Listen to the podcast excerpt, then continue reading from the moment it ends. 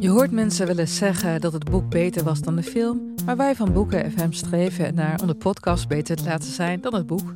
Wij lezen de klassiekers die je nog niet gelezen hebt. We lezen de boeken die je heel graag wil lezen, maar waar je eigenlijk voor schaamt om in het publiek mee gezien te worden. We lezen de Libris-winnaars. Uh, we praten over de Nobelprijslariaten. Allemaal zoals je een etentje hebt, dat je moeiteloos mee kan praten en dat het lijkt alsof je helemaal belezen bent. Wij zijn Ellen, Joost en Charlotte van Boeken FM en je kunt ons luisteren in je favoriete podcast-app.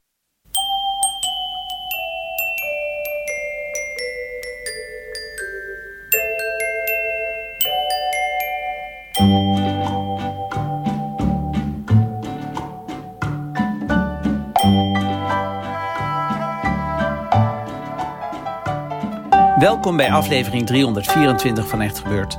De podcast waarin mensen hun eigen waargebeurde verhalen vertellen. In deze aflevering een verhaal dat Matthijs Vlam afgelopen zondag bij ons vertelde... tijdens een verhalenmiddag met als thema handel.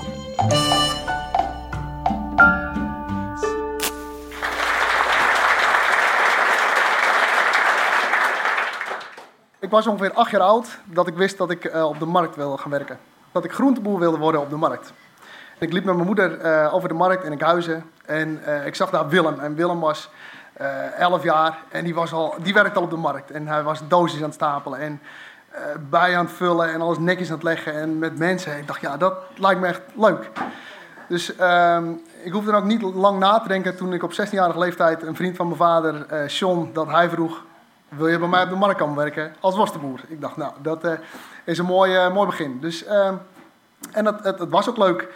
Dat is wel mazzel, want ja, het leek me leuk, maar nou, het was ook echt daadwerkelijk leuk.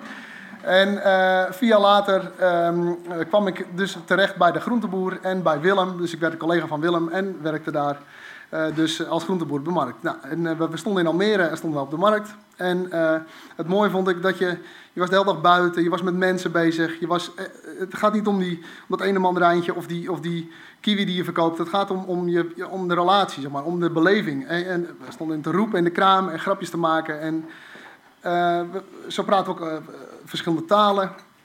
En mijn collega's op de markt die spraken, allemaal, spraken allemaal goed Turks. Gewoon net voldoende om en niet een heel praatje te maken met iemand, maar om iemand te helpen in het Turks. En die hoefde dan bijvoorbeeld de eerste generatie die niet zo goed Nederlands sprak, die kon gewoon bij ons op de markt komen. En uh, de, de derde generatie die hoefde niet meer mee. Dus nou, dan hadden we weer mensen gebonden. En ik vond het leuk om dat nog een niveau hoger te tillen. En ik sprak ook wat Marokkaans en ik sprak nog wat uh, Indonesisch. Gewoon net genoeg om iemand aan het lachen te maken. En ik sprak ook uh, een stukje Chinees. En toen kwam er een keer, weet ik nog heel goed, kwam er een hele bus Chinezen met foto. Oh, mooie kraam hadden. We ongeveer 36 meter kraam hadden. En die oh ja, ja. En toen greep ik mijn kans en zei ik... Ah, ni hao, hodo-chan, sanko kilo, sanko pung. Mko kilo, siman kalabak.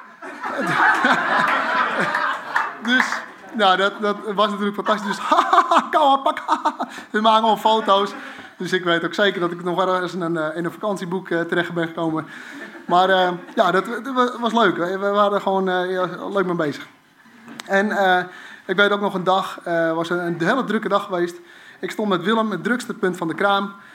En we waren de hele dag mensen te helpen. Het was mooi weer, goede aanbieding hadden we. En, en ik, dan zit je gewoon in de flow, weet je wel. Het is gewoon fantastisch. En ik, kijk op een gegeven moment naast me. En ik zie dat de helft van de kraam al afgebroken is. Die, die is al, al opgeruimd en, en iedereen is al, al bijna klaar. Ik dacht, oh, het is al gewoon echt wel tijd. Dus ik heb nog mijn laatste klantjes. En uh, ik uh, doe nog alsof ik wat opruimde, was niet zo heel goed in. En uh, nou, het was tijd om huis te gaan. En haalde ik nog even een snack bij, bij de plaatselijke snackbar. En daar kenden ze me ook en hadden we ochtends ook altijd wat te eten. En ik kom eraan, ze wisten wat ik wilde hebben. En op een gegeven moment, Matthijs, het is klaar, dankjewel. Dus ik spring van mijn kruk af, ik loop naar die balie. En terwijl ik naar die balie loop, valt in één keer met een klap, bam! Een man dood naast me neer. Dus ik denk, shit. Eerst wat ik dacht, nou heb ik dat. Maar ja, het, gewoon, dat, dat, gaat door je heen. En ik, en, ik, en ik ga op mijn knieën en, en hij, uh, hij was... En zijn vrouw die staat op. Klaas, Klaas. Ik zeg, oh, hij Klaas. Dus ik geen idee, want ik heb geen uh, bij jou cursus gedaan of niks.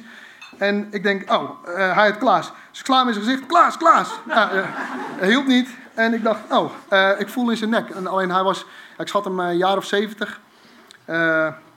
70 plus, uh, 1 meter 85 plus en 100, 30 kilo plus. Zeg maar, hij was, het was een, een forse man was het. En toen dacht ik, ja. Dus ik voelde in zijn hals, ja, niks. Ik voelde bij zijn pols, ook niks. Ik dacht, ja, hij ligt er ook niet zo lekker bij. Dus ik legde hem op zijn rug. Ja, en toen ging hij een beetje zijn hoofd zo naar achter. Ik dacht, ja, dat is ook niet fijn. Maar toen kreeg ik snel een jasje en dat om onder zijn hoofd te, doen. Dus ik dacht, ja, uh, ja laat ik maar uh, hartmassage gaan geven. Dus ik, ben een beetje zo bezig. Ik denk, ja, dat heb ik wel eens gezien in, op tv. Of, nou, ik begon het gewoon te doen.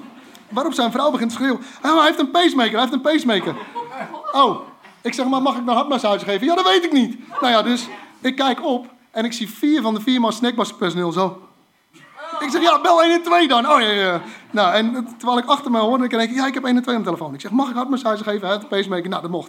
Ik denk, ja, want ja, dit is ook niks. Dus ik begin hartmassage te geven en op een gegeven moment voelde ik, klap. Echt, echt een knap uit zijn borstkas. En en that's it. Ik dacht, shit. Dus ik sla hem in zijn gezicht, Klaas, Klaas. Maar nou, dat hielp ook niet. En terwijl ik dus bezig ben, ik ga door, hoor ik een paar tafeltjes verderop. Hij uh, mag er wat te drinken bestellen of uh, prioriteiten. Dus nou, ik, ik ga door en uh, op een gegeven moment komt er een politieagent. Die komt, die komt binnen en die, en die kijkt zo eens en die trekt van die witte doktershandschoentjes aan. En die heeft nog zo'n tuutje en die staat er zo bij. Hij trok wat wit weg. Hij zegt, nou, dat doe je wel goed. Ja, ga er maar mee door. Ja, oké. Dus ja, en ik snap het ook, want, want uh, ja, er kwam wat schuim uit zijn mond en, en urine kwam eruit. En ja, dat, dat werkt allemaal niet meer. Dus nou, het was een beetje troepie. En uh, ik ga er weer mee door. Dus ik, ik geef hem de borstmassage en op een gegeven moment weer klap. En en that's it. Shit. Dus ik ga ermee door totdat ik, nou het leek heel lang, maar uh, op een gegeven moment word ik op mijn schouders getikt. Twee ambulancebroeders, hey, bedankt, goed bezig geweest. Uh, wij nemen het vanaf hier van je over. Dus ik loop naar buiten. Ik denk, jezus, wat, wat is er gebeurd, weet je wel? Ik ga op een kraam zitten. De agent uh, die uh, neemt wat gegevens me op. Uh, ik stort helemaal in. Ik zeg, shit, wat, wat, wat, weet je wel, dat, dat, gebeurt gewoon niet.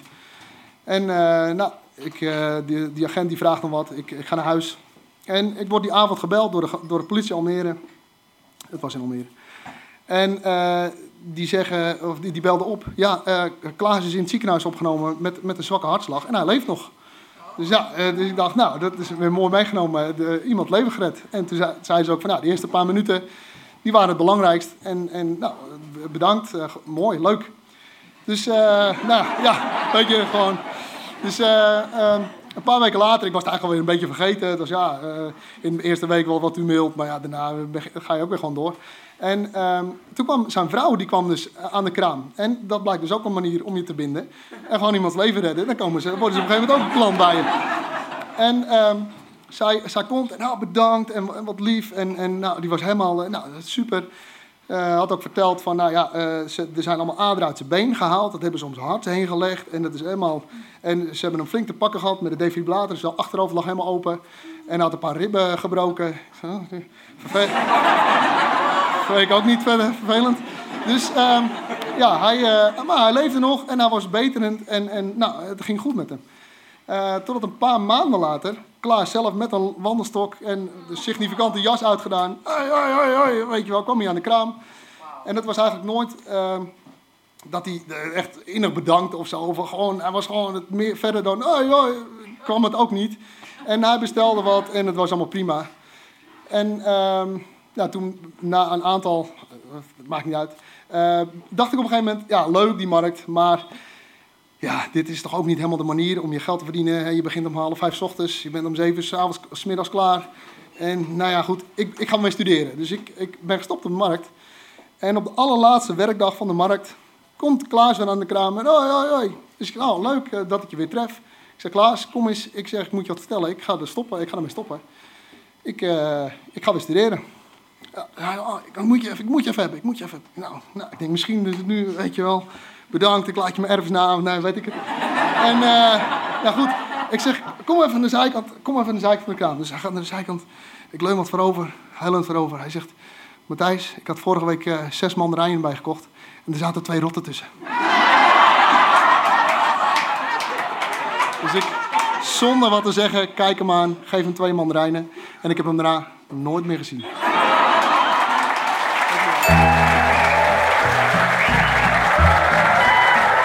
Dat was een verhaal van Matthijs Vlam. Matthijs heeft na zijn carrière als marktkoopman een eigen bedrijf gehad. Hij verkocht bodemonderzoeken. Maar dat hele bodemonderzoekbedrijf heeft hij onlangs ook verkocht. Matthijs vertelde zijn verhaal zondag jongsleden bij ons in Comedy Club Toemler. Tijdens de eerste echt gebeurd sinds februari 2020. Voor een volledig volle zaal. We hopen dat dat voortaan altijd weer kan.